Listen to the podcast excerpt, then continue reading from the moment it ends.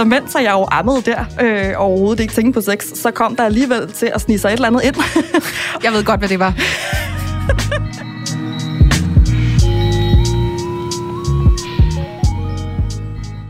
Velkommen til MomKinds podcast. I dag der skal vi tale om, når man føler sig snydt i forbindelse med en fødsel. Hvis man simpelthen ikke fik lov at opleve den fødsel, man havde håbet på af den ene eller den anden grund, og man går rundt med en følelse af uretfærdighed i kroppen, eller måske næsten synes, at man ikke har gjort det, man skulle som mor.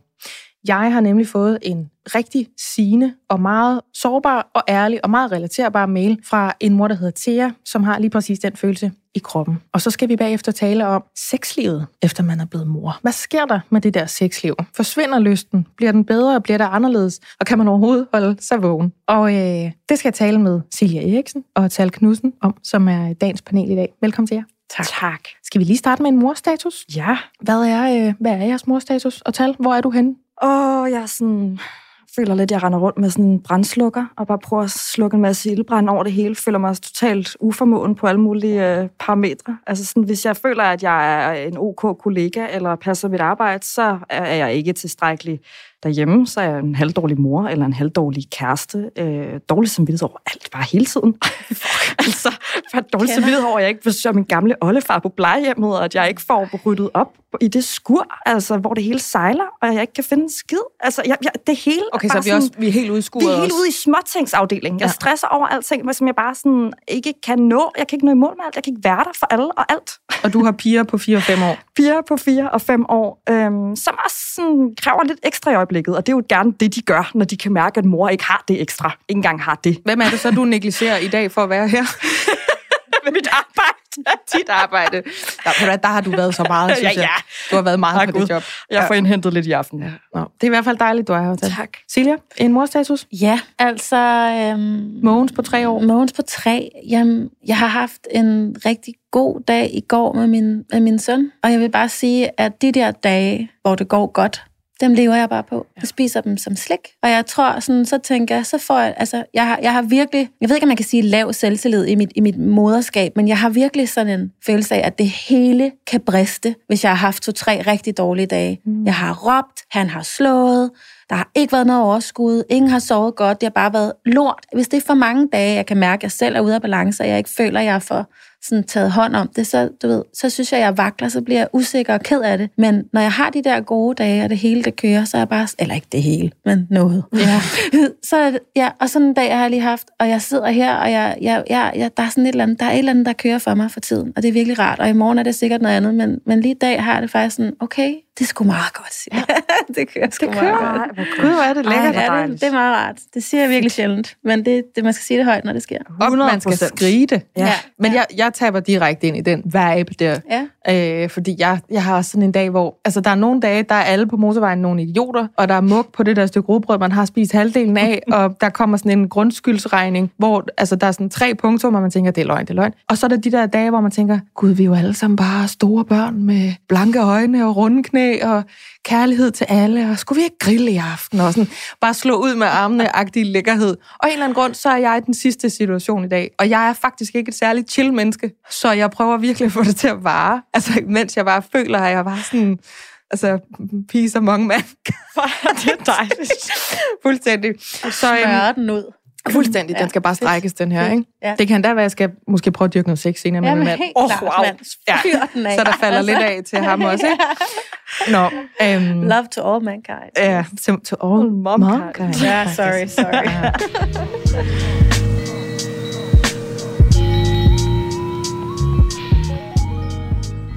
I denne her uge, der sørger Hello Fresh for, at min familie og jeg, vi skal have cajun-paneret kylling, asiatisk kyllingebowl, gyldenstegt gnocchi, sød chili-marineret svinekød, spicy torskebøger og marineret steak og sød sennepsauce til aftensmad. Det er super lækker og varieret mad, som jeg ikke tror, jeg selv havde haft fantasi til at købe ind til, hvis altså ikke Hello Fresh kom og stillede en papkasse med nedkølede varer på min veranda hver lørdag. Jeg har mad til fem hverdagsaftener om ugen, og så kan jeg altså bruge min fantasi for resten. Og det er en rigtig dejlig hjælp at få i hverdagen. Hvis du har lyst til at prøve det her, så kan du bruge koden MOMKIND og få 30% rabat på første og anden kasse, og 10% rabat på tredje og fjerde kasse, hvis du altså er ny kunde og har lyst til at prøve Hello Fresh.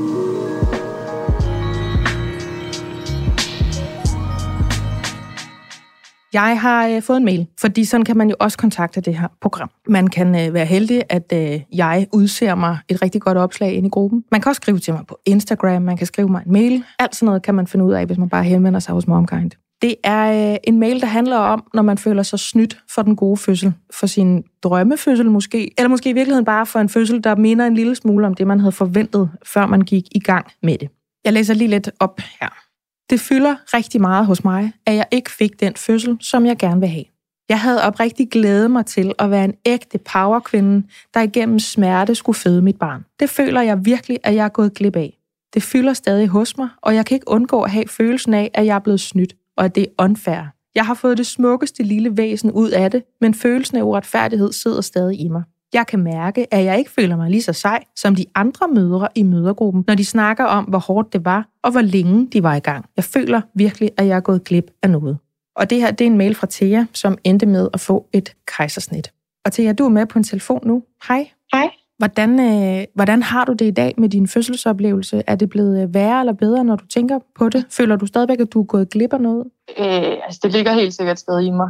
Og det, altså, det fylder ikke på samme måde, og det fylder ikke hver dag. Men det ligger stadig i mig, når jeg snakker med jer nu, og når jeg snakker med de andre i mødergruppen om deres fødsler. Ellers, altså, der er ikke den samme træng til sådan at dele min fødselshistorie. Nej. Fordi det ligger lidt som sådan en... Det kom jeg sgu også lidt nemt henover i forhold til, til de andre. Ja. Så det, så det er helt sikkert noget, der stadig fylder.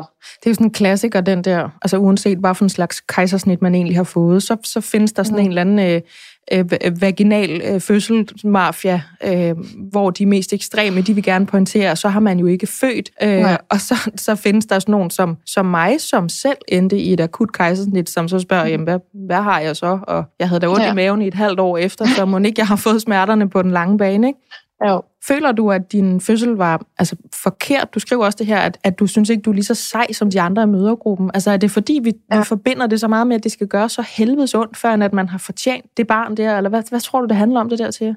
Jamen, det tror jeg helt sikkert. Øh, vi snakker meget om det her hjemme også, og sådan noget. når jeg tænker tilbage, så var, der var ikke nogen, altså det var slet ikke noget, jeg havde forventet, på nogen måder. Og der var ikke nogen, der advarede mig, eller hvad man skal sige. Det er jo ikke, fordi man skal sætte sådan nogle alle de værste scenarier op, der kan ske. Men jeg havde aldrig nogensinde overvejet, at det kunne blive et kejsersnit. Og jeg har aldrig nogensinde hørt om svangerskabsforgiftning, som var grunden til, at jeg endte, hvor jeg endte. Altså, der tror jeg bare, det kunne have været fedt at have vidst, at det var en mulighed. Og, og ja, jeg tror helt sikkert, som du selv siger, at det her med, man, man, altså en fødsel, det forbinder man med mange timer og smerter, og at man bliver sådan den her power-urkvinde, som bare gør det. Mm. Øhm, og det mister man lidt, når man ligger på sådan en briks, og der er nogen, der gør det for en. Ja. Ja, ja. ved du hvad? Nu, øhm, nu tager jeg den ud til panelet, fordi der sidder to kvinder her og nikker øh, fuldstændig vanvittigt og også ryster lidt på hovedet, og der er alt fra medfølelse til øh, genkendelighed. Så øh, Thea, vi, øh, vi taler lige om den, og så vender jeg tilbage til dig. Yes. Celia, hvordan øh, var din fødsel? Havde du en øh, drømmefødsel med din søn Mogens? Øhm, nej, det, det, nej, det havde jeg ikke. Øhm, jeg skulle til at sige, at jeg havde slet ikke en fødsel. Og det, det, øh, det er jo det helt forkerte at sige, men det er den følelse, der er inde i, når man er allermest sådan øh, trist omkring, hvordan det gik. Jeg bliver faktisk rørt. Mm. men Det må du gerne blive. ja, men jeg tror, at... Gud, var jeg overrasket over, at jeg. What the fuck? Men det, prøv, det skal du bare. Det bliver jeg sgu også, når jeg taler om. Jamen, jeg ja. tror, at for os, og hej til jer, var det fedt, at du skriver ind. Jeg tror egentlig, at altså, jeg havde en fødsel, og jeg, jeg havde planlagt kejsersnit. Det ved jeg ikke, om Theas var. Hendes var et akut. Ja. Et super akut. Ja. Nej, jeg ved ikke. Det er jo sådan, det hører også med i vores kvindebillede. Nu bliver jeg politisk, men Men det må du godt sige. det der med, at vi skal være, hvad skal vi være sexede? Så skal vi parre os på en fræk måde. Så skal vi gro et barn. Så skal vi være, så skal vi være frodige. Og så skal vi føde det. Og det skal være øh, og sådan noget, ikke? Og jeg, altså, jeg havde det så fucking dårligt, da jeg var gravid. Jeg havde det bare så dårligt. Jeg kunne ikke gå. Jeg kunne ikke eksistere. Jeg havde det så dårligt. Og jeg var indlagt, og alt var lort. Jeg havde det elendigt i mit parforhold, fordi jeg bare blev forvandlet til sådan, altså nærmest handicappet. Og så endte jeg med at skulle have et planlagt kejsersnit, som slet ikke var mit ønske. Og det er derfor, jeg græder, fordi at jeg, har, jeg ønskede mig noget helt andet, end det jeg fik. Jeg blev hospitalized, altså jeg fik hvide klæder på og skulle gå ind i det der rum, og jeg var redselslagen, altså for at blive skåret i, det havde jeg aldrig prøvet før, og Efterfølgende havde jeg den samme følelse, da jeg sad, sad i mødergruppen, og de alle sammen fortalte, altså ikke fordi jeg ønsker mig V-storm, altså, men jeg ved ikke, hvad en V er. Og det er for sindssygt at have et barn, og faktisk ikke vide, hvad det vil sige at føde vaginal. Jeg vil ønske, at min krop havde oplevet det der momentum, den der løve-ting, uh, som jeg forestiller mig, det er. Jeg ved ikke, hvad det vil sige. Jeg vil sindssygt gerne prøve at føde vaginalt, og så når jeg hører alle fødselshistorierne, tænker jeg, det går, hvad du ikke tænkte det fint. Måske var det fint. Men altså, det er ikke, og det ved, altså, det ved jeg ikke, og tal, du har ikke fået kejsersnit, vel? Nej. Men det er, ikke, det er ikke lækkert at få et kejsersnit. Det er psykohårdt. Altså, der er alle mulige andre ting, der er helt vildt altså, voldsomme ved det. Mm. Og der er også nogen, der har fede kejsersnitsoplevelser. Men jeg siger bare, altså... Det er ikke let at det få et er ikke kejsersnit. let at få et kejsersnit. Nej. Og jeg, jeg er sindssygt overrasket over, at jeg begyndte at græde, fordi jeg troede egentlig, at... jeg troede, jeg skulle sige til Thea, hey, prøv at høre, det er faktisk, øh, det er faktisk, jeg har det faktisk bedre med det nu, og sådan, det var faktisk, måske var det fint nok, og, men det der traume sidder stadig inde i mig, fordi jeg slet ikke havde lyst til at ligge på den briks. Mm. Og altså, så, så, så, så følelserne er der jo stadig, og, og ja, jeg, jeg skammer mig ikke, men jeg er sådan, øv, det har jeg ikke prøvet, det der. Men det var et planlagt kejsersnit, du fik, Silja, men, men du havde ikke som sådan lyst til det. Var det en nødvendighed, at det var sådan, øh, din graviditet skulle forløses? Ja, det Ja. var også noget sygdomsrelateret. Jeg havde, øh, jeg havde en, en, en, en ting, som gjorde, at de var bange for, at jeg ville bløde ja. enormt meget, og det også ville gå ud over søn. Og, øh, og så sagde de, du må gerne prøve, hvis du vil. Det må du gerne. Så har vi bare rigtig mange, meget blod og elektroder og sådan noget, og så er jeg bare sådan... Nej. Jeg synes ikke, de gav mig den rigtige mulighed. Mm. Så jeg, så jeg, jeg, jeg, jeg, jeg, jeg, jeg, ligesom jeg overgav mig til, at det var sådan, det måtte ske. Og altså, det vidunderlige ved kejsersnit på en eller anden måde, er jo det der med, bum, wah! altså, det Mm. kan i hvert fald, sådan var det for mig. Og det er virkelig det smukke, jeg tænker på nu. Mogens kom bare op som sådan en lille frø, helt, og sådan, der, på den måde var det jo enormt sådan, Nå, hvis jeg ikke havde været så bange, så tror jeg, det havde været bedre, og jeg skal have lavet nogle efterfødsels, altså efterfødsels øh, med nogen, fordi det skal behandles. Mm-hmm. Og, og jeg tror også, at og ligesom at give plads til at fortælle sin historie, hvor, altså hvor bange jeg var, og til andre end min kæreste, fordi, og til kvinder på en eller anden måde, som måske har haft det på samme måde, så man ikke føler sig så alene, altså fordi det var enormt intenst at sidde og snakke med urkvinderne, som jeg selv troede, jeg skulle være, altså, som, som ligesom var sådan, jamen jeg fødte i solopgang Ja. På riget, og det var som om, at... Ja. Øh, og sådan noget. Men det er jeg- også som ej, om- Det var så hårdt at høre på, mand. Ja, og dem kan man altså... Altså, vi er også lige nødt til at sige, 20 procent af alle danske fødsler, det er hver femte ender i et kejsersnit. Ja. Og det er, uanset om det er akut, eller om det er planlagt. Ja. Det vil sige, at hver femte barn og hver femte fødende mor har haft den her oplevelse. Mm. Så derfor så skal der foregå en samtale omkring, om man føler skyld, skam, om man føler sig snydt, om man har fået den rigtige vejledning. Og i hvert fald skal der være et delefællesskab, hvor for eksempel Silja siger, jeg fik det ikke, som jeg gerne vil have det. Jeg føler ikke, jeg er med i urkvindeklubben. Jeg havde også lyst til at stå og sige som stor ko på mark og være med og mærke det der. Fuldstændig som, jeg tror, Thea, hun også har haft det, og det, som hun også er behandlet på. Ikke? Øhm, og Tal, du sidder og nikker. Jeg ved, at du havde to gode vaginale fødsler med dine døtre. Ja, Du fik øhm, det, som du ville have det, eller hvordan oplevede du det selv? Mere eller mindre. Altså sådan, man, der er jo mange ting, der sker på sådan en fødsel, som man ikke lige havde regnet med, og ting, som man ikke lige aner, hvad egentlig er, og hvad det, der foregår her. Men sådan mere eller mindre. Og jeg tror, nu sagde du det her med, at jeg har behov for at tale om det, Silja. Altså behov for at bearbejde det og tale med andre om det. Jeg tror, at det gælder øh, i en mindre grad, men det gælder også for urkvinderne, som jeg Helt valgte at sige dem her. Man har simpelthen brug for at tale om det traume, som ens krop lige har været igennem. Mm. Øhm, jeg kan i hvert fald huske, at jeg undervejs i pressefasen tænkte, det er for sindssygt, at jeg skal kunne overleve det her. Hvis jeg overlever lige nu, fordi ja. det gjorde så pissehammerende ondt. Ja. Hvis jeg overlever det her, så har jeg brug for at bearbejde det her i rigtig mange år. Jeg tror, jeg skal have noget psykologhjælp, fordi det her det er et overgreb på min krop. Ja. Og jeg kan huske, at jeg tænkte, hvordan er der så mange kvinder, der har født, og som er kommet igennem det her sådan helskindet? Øhm, altså sådan, jeg, jeg, jeg kunne slet ikke forstå det. Men det traume er jo bare højere, forestiller jeg mig, og kan jeg også forstå, for jeg har først lige erfaret, at øh, der faktisk er sindssygt mange mødre, som der begynder i, altså som der simpelthen går i terapi for at bearbejde det trauma. Altså Ja, sådan, vi, vidderligt sådan, og her snakker vi også om, om kvinder, som der har fået enten planlagt eller akut kejsersnit, som, som ikke nødvendigvis har nogle længerevarende gener af det kejsersnit her. Måske endda mødre, som der rent faktisk kunne øh, være døde øh, sammen med deres børn, hvis ikke det var endt der. Men alligevel, så er vi på en eller anden måde endt i et samfund, hvor at det simpelthen er så hårdt at acceptere som kvinde og som mor, at man ikke har fået den her sædfødsel, den her vaginalfødsel. Mm. Altså, og det synes jeg er fuldstændig sindssygt, at vi er nået derud. Men det er jo også absurditeten i, at netop den der smerteoplevelse, som du siger, hvis jeg overlever det her, så skal jeg have noget professionel Ja. hjælp. Ikke? Ja. Det er jo netop fordi, det er så sindssygt, at os, der ikke har været der, Ja. for jeg har jo ikke prøvet at føde vaginalt, vi vil på en eller anden måde, vi, vi idealiserer den klub. Ja. Altså, vi idealiserer, det gjorde så ondt, at jeg troede, jeg skulle dø. Ja. Så derfor havde jeg ekstra fortjent det barn. Ja. Tror jeg, vores hjerner fortæller os, ikke? Jo, og så tror jeg også, man på en eller anden måde føler, fordi alle vil være med i klubben, der er, det består af en spirituel oplevelse ud over det sædvanlige. Jeg tror. Ja. det, det er også der fejlen ligger, at man begynder, altså man taler om fødsler, om vaginale fødsler, som den helt store spirituelle oplevelse, som man bare må og skal opleve, og som ja. du aldrig nogensinde kommer op på igen. Det, det er sådan, man taler det nærmest op som sådan en euforisk ting, som Men alle det- skal igennem. Fandme altså også, fordi vi er kommet et sted hen, hvor det er, nej, mig, nej, jeg skal ingen lunde ind på et sygehus, Ja. hvor der er nogle knive op og et smertestillende. Jeg skal knæle ned i en lavendelmark, imens solen står op over. Og sådan.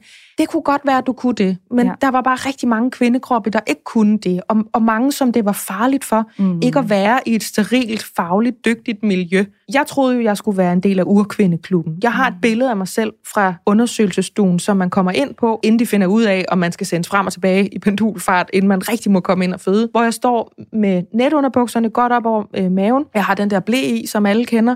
Mit vand gik, Øh, så jeg vidste, der er i hvert fald kun et døgn eller mindre, fordi så skal barnet ligesom være forløst. Det er jo det, man opererer efter herhjemme. Og jeg står og laver stærkmandarmene og spænder mullerne, og det er faktisk sådan et live-foto, som min kæreste har fået taget af mig. Så man kan se, at jeg går inden fra toilettet, kommer gående ud på undersøgelsesstuen, og så laver jeg de her stærkmandarme. Og jeg kan huske på det tidspunkt, øh, der var de begyndt, de der udvidelsesvejer der. Det gik rigtig stærkt for mig. Der gik halvanden time, så var det sådan et par centimeter, ikke? Hvor jeg bare tænkte, det er løgn, det er løgn, det er løgn, det er løgn, det er løgn, det er løgn, det er løgn, og så ned ad bakken igen. Og så var der fem minutter, hvor der ikke skete noget. Altså, hvor man er sådan helt, så spiser jeg et rundstykke og sender en sms til min veninde om, at jeg er ved at føde. Og så gik det i stå, og så blev det kritisk. Og da der var gået øh, en halv dags tid med det, så fandt de ud af, at jeg skulle have et akut kejsersnit. Og det fandt man ud af på den der måde, hvor de løb med mig øh, ned på kirurgisk. Og jeg lå og rystede på mit leje, fordi jeg havde fået så meget medicin af den ene og den anden slags. Noget, der skulle sætte i gang, noget, der skulle stoppe, noget, der skulle sætte i gang, noget, der skulle stoppe. Jeg har også fået en epiduralblokade.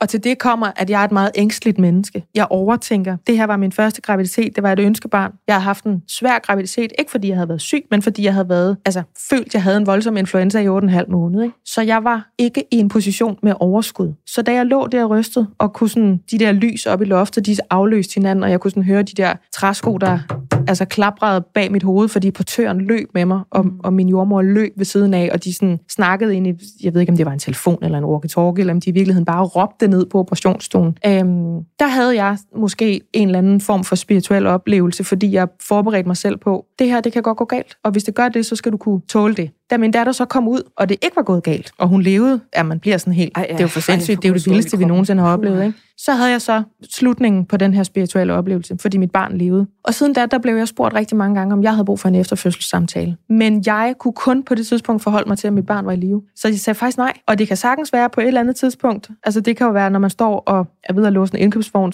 fast et sted, eller når jeg skal holde min datters konfirmationstale eller sådan noget, så kommer det over mig på samme måde, som det gjorde med Silja her, ja. at der faktisk ligger noget et sted, jeg skal have bearbejdet. For jeg havde glædet mig til at være urkvinden. Jeg troede, jeg skulle trække hende ud af mit underliv. Jeg troede næsten, vi skulle have fat i en arm hver. Men det fik jeg ikke. Til gengæld så fik jeg min datter. Og jeg tror kun, det er der min hjerne, sådan, det er der min bearbejdning er nu. Jeg har mit barn, men jeg har ikke en fødselsberetning, som jeg, som jeg kan sådan være, og sige, så pressede jeg hende ud af tissekonen, og så gjorde det bare mega ondt, og så blev jeg syet, og så sad jeg på en badering og sådan noget. Til gengæld kunne jeg ikke gå rigtigt øh, i et halvt års tid, fordi at et, en, en, øh, et kejsersnit er en meget stor operation, som det er mærkeligt, at der ikke er en protokol for i Danmark i forhold til genoptræning og vejledning og sådan Øh, noget. ja. Virkelig? Der er ingenting, du får. Du bliver ikke engang tjekket. What? Faktisk så bliver man sådan nudget ret meget til at komme i gang med at gå, og jeg var helt stolt af mig selv, fordi jeg bare sagde, jeg vil bare have det kateter ud, som der bliver lagt, når man får et kejsersnit, så vil jeg bare ud og tisse, ikke? Ja. Ja. Jeg tror lige, jeg tager jer med igen, Thea, er du der? Ja, det er jeg. Hej.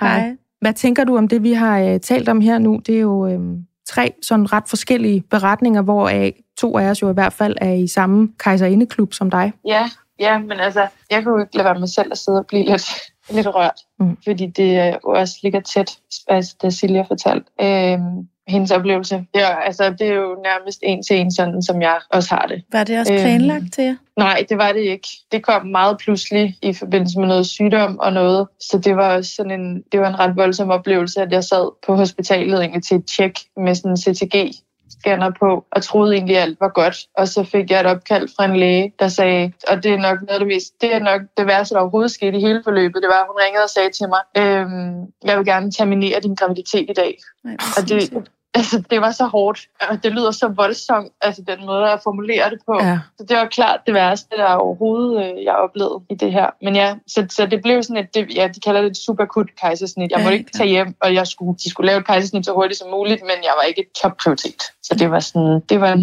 det var, Det lyder rigtig så ubehageligt. voldsomt, altså. Ja. Thea, giver det dig noget at vide, at vi er faktisk en del? Altså både os, der har fået planlagt, og os, der har fået et, et helt akut, eller hvad man skal sige. Vi kan egentlig ja. Ja. sådan ret godt følge dine fornemmelser, og at selvom vi måske ikke kan tage dem fra dig, så øh, kan vi i hvert fald dele dem med dig. Ja, altså det synes jeg, det var, altså en ting var, det var meget rørende, og at det, det, det sætter et eller andet i gang, jo, men det er også rart at høre, at man ikke er alene. Altså jeg ville jo klart ønske for alle, at de kunne få lov til at få den fødsel, de havde drømt om. Mm. Men når det ikke kan være sådan, så er det også meget rart ikke at være alene i det. Skal du tale med nogen her på bagkant? Tror du, du vil øhm, opsøge øhm, altså en, ligesom Silja siger, hun måske kunne have, have lyst til at tale med nogen om sin fødsel igen? Ja, altså, jamen, øh, det har jeg faktisk. Jeg har simpelthen verdens bedste sundhedsplejerske. Ja. Øhm, så hun fangede mig ret tidligt, øh, efter, jeg tror, min søn han var et par måneder, hvor hun lavede en eller anden test på os, og fangede nogle, at jeg havde nogle efterfødselsreaktioner, som, øh, som de så reagerede på, og sendte mig til egen læge og kom igennem der. Det var godt. Ja. ja. Ikke at Det du havde det, men det var godt, at der blev Nej. taget noget action på det. Det var jeg glad for. Thea, tusind tak for den Ja. mail, du sendte mig. Tak fordi vi måtte øh, tale om det her, som jo altså er ret almindeligt. Ja. Øhm, Jamen, men at den er ikke nemt. Nej, absolut ikke. Jeg er meget glad for, at jeg måtte være med. Selvfølgelig måtte du det.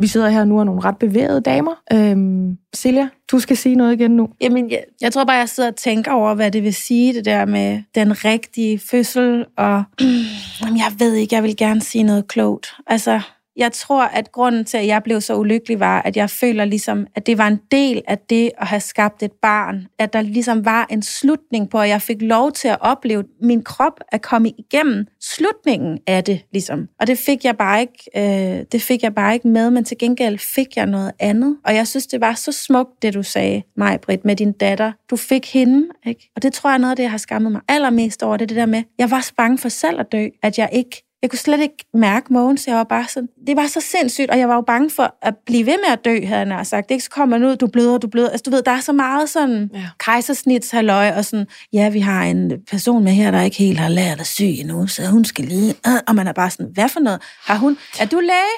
Og sådan noget, ikke? Altså den der følelse af, at man bare sådan, nå, og nu gør det vildt ondt i mine skuldre, og jeg tror bare sådan, altså, ja, vi skaber jo liv, ikke? Og det er jo det, der, det tager jeg med fra din fortælling, at du nåede desværre derud, hvor du tænkte, okay, det kan være, det går galt, det her. Mm. Og jeg havde det på den modsatte, jeg troede, jeg selv ville dø. Mm. Så det er jo de der sådan afkoblinger, følelsesmæssige afkoblinger, hvor man sådan ikke kan, kan finde ud af, hvad fanden der er hvad, ikke? Altså, Det, man, kommer, man stikker hovedet uden for den atmosfære, man har levet hele sit liv i. Frem til da, i hvert fald. Yes. Den følelse havde jeg. Yes. Er jeg sådan lige nået op på et punkt i rutsjebanen, hvor man tænker, gud, det, det er nok det højeste, jeg har været. Eller sådan luften af en anden her, hvor jeg pludselig forholder mig til, for Siljas vedkommende skal jeg herfra, eller for mit vedkommende skal mit barn herfra. Ikke? Jo, og jeg tænker jo også, at sådan, det jeg også hører dig sige, Silje, er jo også, at der er tale om en eller anden form for kontroltab. Altså sådan, det, det er jo i virkeligheden det der med, at ansvaret bliver taget fra en, der ligger i nogle andres hænder. Kæmpe. Der er ikke noget, du kan gøre, altså sådan, når man føder selv, eller føder vaginalt, eller, altså så ved du, du skal presse, du kan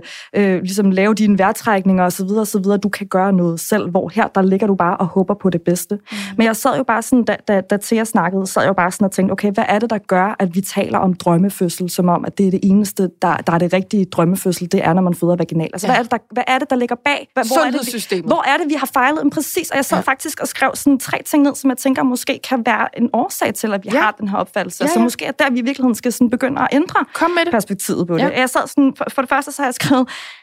øh, informationsmateriale. Og det er ikke, fordi jeg vil tage noget som helst fra, fra læger og jordmødre og deres fag overhovedet, men jeg føler, der er rigtig meget sådan informationsmateriale, som enten ikke informerer, eller som direkte eller skjult misbeliger et planlagt kejsersnit. Mm-hmm. Og som er ufyldesgørende på alle niveauer af alle slags fødsler. Præcis. Øh, man tager den ligesom ikke på forhånd. Så er der hele fødselsforberedelsen, som er fantastisk. Hele den private fødselsforberedelse. Der er kommet så meget fokus på, at vi ligesom kan gå til en masse fantastiske fødselsforberedende kurser, og det gjorde jeg også selv. Det er jeg sindssygt glad for, men det skabte også en idé om, nu har jeg selv taget ansvaret for den her øh, fødsel på min egen skole, ja, og nu ved jeg, sådan. hvad jeg skal. Nu har jeg ja. læst alt det materiale, der er. Mm. Jeg kommer til at nail den her fødsel til fucking UG på at kryds og slange. Altså, mm. det er som om, at man sådan, føler, at man skal op til en eksamen, og nu har jeg bare gjort mit forberedende arbejde, og ja. hvis jeg fejler, så er det, fordi jeg ikke har forberedt mig godt nok, eller ja. fordi jeg ikke er dygtig nok. Så er det, fordi jeg ikke kan min vejrtrækninger. Lige præcis. Ja. Udover det, og det bringer mig så videre til perfekthedskulturen. Altså sådan mm. netop det her med, at man skal være perfekt, og man skal brillere i alt, hvad man overhovedet gør i dag. Altså, jeg har sågar set kvinder i USA, der får lagt make-up under en pressefase, Gud, det eller også set. Efter, direkte efter en fødsel, fordi ja. der skal tages fotos ja, ja, ja. videoer, hvor de skal se perfekt og opstillet ud. Gud, det er, er det ikke fuldstændig sindssygt? Jo, det er rigtigt. Det har jeg også set. Øhm, så, så, i det hele taget, sådan hele den der forskroede tankegang om, at det ikke må lide, man lige har født. Altså sådan, ja. at, at, det hele skal være så perfekt. Og sidst men ikke mindst, så tænker jeg altså, det hele den der sådan meget, meget forældede tankegang om, at kroppen jo ved, hvad den skal. Og i stenalderen, der fødte man jo også ja. helt naturligt. Ja. Og det gik jo fint. Eller gjorde det. Er der ja. nogen, der fucking så ved, hvor mange dødsfødsler der var i stenalderen? Ved vi det? Det ved vi altså fra bare sådan nogle hundrede år siden jo ikke. Altså, hvor kroppen måske ikke nu var begyndt at bare vide, hvad den skulle, fordi der tror jeg, at der var ret mange, der var overrasket over, hvor mange mødre og børn, der skulle have fra, ikke? Ja, Ja. Og jeg ved ikke, jeg bliver bare sådan lidt ej, fordi jeg bare sådan kan se, der er bare så mange punkter, hvor at vi simpelthen tager det fra kvinder, altså sådan, hvor vi, vi, vi virkelig sådan ikke, at det ikke er berettiget at have en, en, en fødsel, som der ikke er andet end vaginal, eller som er med smertelindring, som om, at det også bare er det værste i hele ja. verden. Altså sådan, jeg føler virkelig, vi er nødt til at ændre diskursen, og det er der mange punkter, vi skal gøre det på, men sådan, i det hele taget håber jeg bare, at vi kan bevæge os lidt væk fra ideen om, at en drømmefødsel er lige en uden smertestillende vaginal fødsel. Amen. Amen.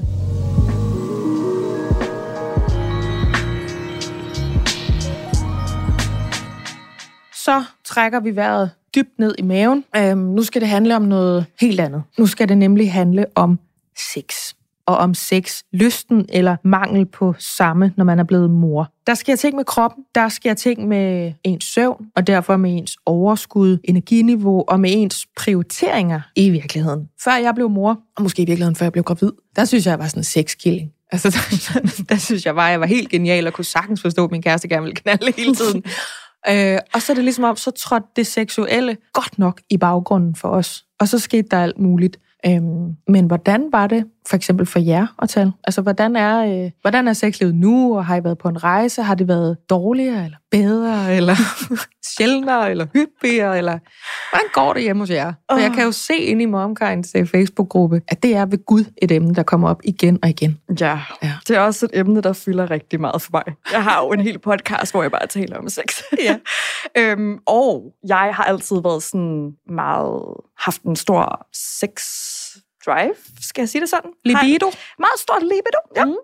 Øhm, og det forsvandt selvfølgelig allerede under graviditeten. Altså sådan, der kunne jeg jo slet ikke se mig selv i en seksuel sammenhæng med den mave. Mm. Øh, for slet ikke at glemme alle de fysiske umuligheder, der er i at dyrke sex, når man er gravid. Ja. Alle de begrænsninger, der er. Men det fortsatte selvfølgelig også op igennem barsen, hvor du jo for det første overhovedet ikke kan se din egen krop som der noget seksuelt. Og det var ikke engang, fordi jeg ikke havde lyst til min partner, kun det handlede også om, at jeg ikke havde lyst til at røre ved mig selv. Jeg var slet ikke der. Jeg havde slet ikke lysten. Du er mor først og fremmest, før alt andet. Omsorgsgenet er jo og træt, ja. udmattet. Altså, du har alle oddsene imod dig, mm. når vi snakker et øh, velfungerende sexliv, så snart du har fået børn. Ja. Øh, en lang periode med tørke, så sker der det, at jeg bliver gravid igen. jeg har jo pseudotvillinger. Ja. Så, så mens jeg jo ammede der, øh, overhovedet ikke tænkte på sex, så kom der alligevel til at snige sig et eller andet ind. og jeg ved godt, hvad det var. jeg, ved, jeg ved helt konkret, hvad det var. Jeg har også en idé. Ja, ja. Og jeg øh, var jo træt og ammende, og øh, glemte jo lidt de der minipiller, som man skulle tage på et bestemt tidspunkt. Øh, og så var der lige pludselig baby igen, så det var mange års tørke, og øh, år, hvor jeg slet ikke tænkte på sex overhovedet. Og jeg var faktisk rigtig nervøs for, at jeg ikke ville få den der, det der sex drive tilbage.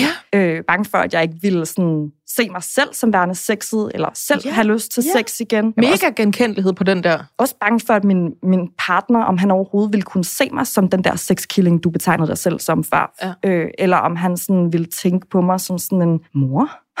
Eller en værre endnu, MILF, og jeg hader det fucking udtryk. Nå, Men ja. altså sådan, jeg var, jeg var bange for sådan, og lige pludselig var sådan, når nu hører du den her kasse? Du sagde, Altså, nu- det ikke, du sagde det ikke til slut. Hvad var det for et udtryk, du havde? MILF. Milf. Milf. udtrykket. Ah, sorry. Mama jeg like to fuck. snakke engelsk. Ja, det Altså også sådan, ulækkert. lige pludselig så er jeg sådan, jamen, så er jeg sådan en kategori på Pornhub, altså efter jeg har fået børn. Ikke?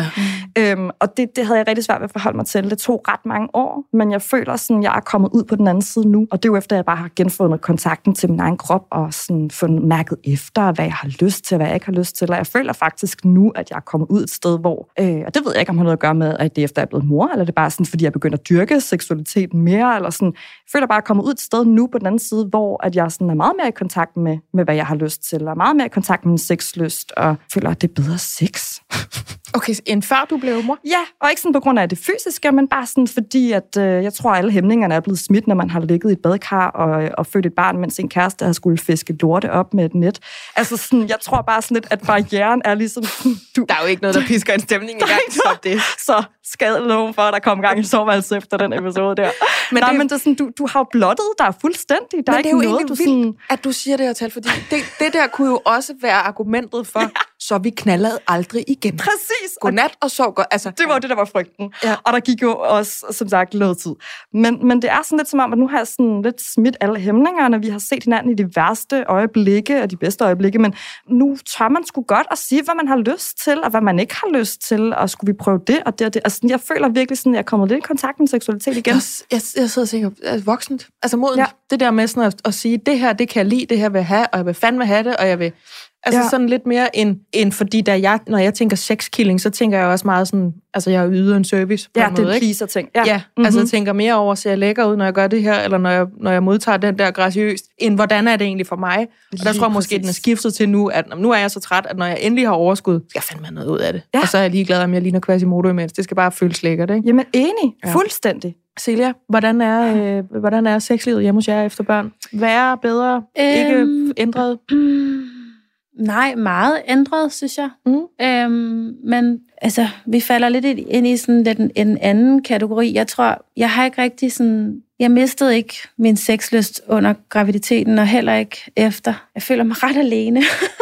Det, det tror Fordi jeg ikke, du er. øhm, Og det tror jeg heller ikke, og det er også. Nej. derfor, jeg gerne vil sige det, fordi ja. at, øhm, jeg har snakket med min kæreste om det her også, for hjemme hos os, der er det mig, der har mest lyst. Ja. Mm. Og øh, jeg tror nogle gange, at min lyst er ikke styret af, eller det er den, men ikke i så høj grad, det her med stress, og jeg er bare sådan, åh, jeg vil gerne knalde. Altså, jeg vil bare gerne knalde. Mm. Og sådan, sådan har jeg det bare. Det, jeg ved ikke, det, jeg er så fucking taknemmelig for, at det ikke Ja. er skrevet fra mig, det der. Ja. Fordi det er en del af min sådan, livskraft, og det er en del af den måde, jeg mærker mig selv på. Det er en del, altså det er, det er også min forbandelse, at jeg kan mærke min krop så meget. Det, det er det også på en måde. Men ikke i forhold til det seksuelle. Der er det bare sådan virkelig dejligt. Men, men min kæreste er lidt mere, øh, måske som de fleste, den der med sådan, fuck, hvor har vi meget, vi skal. Jeg er fucking stresset, mand. Jeg skal ind og ud af døren og op og ned. Der er ikke et sekund til mig selv. Jeg har ikke kigget øh, på mig selv i flere dage, du ved. Jeg tror, også, han har virkelig brug for ro, for ligesom at finde det frem, ikke? Mm. Så vi arbejder med alt muligt, og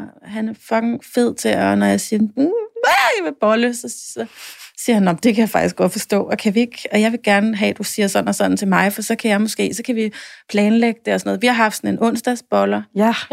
Øh, onsdagsboller var dejligt, og, og også sådan lidt, vi har aldrig rigtig lyst, når det så blev onsdag, og klokken var 12 og et eller andet. Men Men var det så sådan noget, hvor at så kunne I være lidt uartige og bolle, selvom det ikke var onsdag, og så Nej, på nej. den måde virkede det? nej, nej, Nå. det var bare sådan noget, skat, øh, nå, Vi skal lige have kigge lidt på hinanden, og så være sådan, fucking kikset, mand.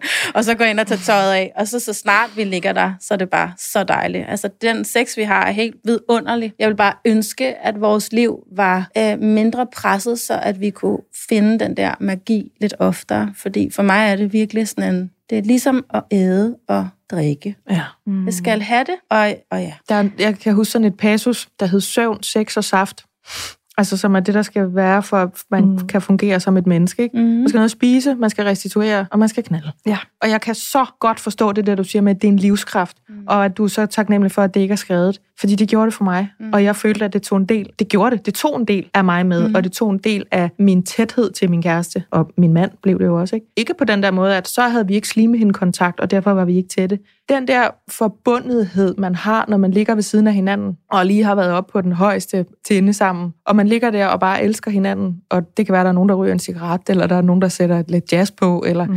man ligger og glæder sig til sådan, og lige om lidt skal vi have et spejlæg, og så går vi ud i solen, og hvor er det bare lækkert det hele. Sådan. Det forsvandt jo. Øh, så var der noget vasketøj i stedet for, eller noget eksem, eller nogle dagpenge, eller sådan. Altså, det blev, det blev kørt over af noget, der var surt og helt anderledes for mig. Mm. Så kom det så tilbage, øhm, og det er også vigtigt for mig at sige, Silja, det du siger dermed, min lyst forsvandt ikke, den blev ikke ændret, og det er mig, der har mest lyst hjemme hos os. Det er fuldstændig normalt. Det ved jeg, det er. Det har jeg læst, det er. Mm. Øh, også under graviditeten, fordi der kommer mere blod ned øh, til det område, altså til kønsorganerne. Mm. Derfor er man mere følsom, og nogle kvinder kan slide deres mænd eller deres seksuelle partner op, imens de er gravide, fordi lysten bliver stimuleret. For andre forsvinder den helt, og for nogle er det måske fuldstændig ligegyldigt. Men Nogen har bare pig og pickles cravings. pig og pickles. øh, og det ville jeg ønske, jeg havde haft, fordi så har det også været nemmere at tage med på den anden side, fordi man, man sælger jo noget af sig selv, og, og noget, som man kan sige, der er så særdeles er holdt uden for den der babyboble og vasketøjsboblen og rutineboblen, øhm, som jeg tror, mange de higer efter. Jeg altså, tror også, der sker rigtig meget med det rum, man er i, fordi netop som du også tegner det der dejlige romantiske billede med jazz på anlægget, og mm. sådan hele settingen er jo også fuldstændig ændret, fordi i stedet så har du jo bare sådan, altså en, en trammeseng eller en vugge ved siden af dig med en sovende baby. Og tre et halvt minut til at få det overstået. Lige præcis. Altså sådan, du har lige arm, jeg har lige sådan taget babyen fra brystet, og sådan, der sprøjter stadig mælk ud af den, og lige pludselig skal jeg indstille mig på sådan sex mode, og for vores vedkommende, vi boede i en toværelseslejlighed det første stykke tid, lange stykke tid, så vi kunne ikke bare sådan have sex i vores seng, som normalt, for der lå baby, det kunne jeg slet ikke forholde mig til.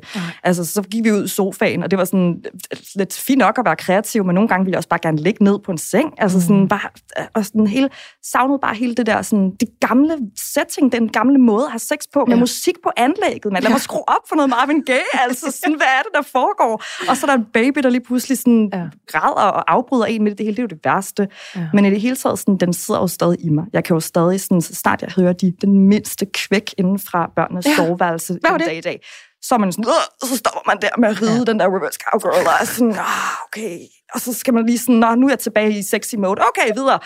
Det er jo bare fuldstændig vanvittigt at blive presset ud i det. Altså sådan, det, det er jo en, en skør setting. Altså sådan, du... Men der er jo noget der, altså nu sidder jeg også og tænker på dig, Silja, som, så siger du, ej, nu bliver jeg lige politisk igen. Altså der er noget vekslen imellem ja. at være, være sådan luderen, eller være Madonna sådan ja, ja. eller at være noget omsorgsgiver. De der roller, man har, som man vidderligt tapper ind og ud af. Altså jeg har også været nede og kigge ned til et barn og konstatere, når det var bare, fordi hun ikke kunne finde sin sut, af hende på hovedet og sige, mor, jeg elsker dig, op igen og være en ja. altså, satans frækker, ikke? Ja. Det er fandme en altså, sådan helt fysisk, psykisk rejse der, ikke? Um, Men det er også noget at gøre med det der med, om man ligesom, hvad for nogle forventninger man har til sit sexliv. Altså, jeg tror for mig er det vigtigere, at, at vi kysser og rører meget ved hinanden. Og det, det vil jeg slet ikke kunne leve uden. Altså jeg ville sagtens kunne gå et år uden vi... Det er den vildeste løgn. Jeg vil overhovedet ikke kunne gå et år uden vi bollede med.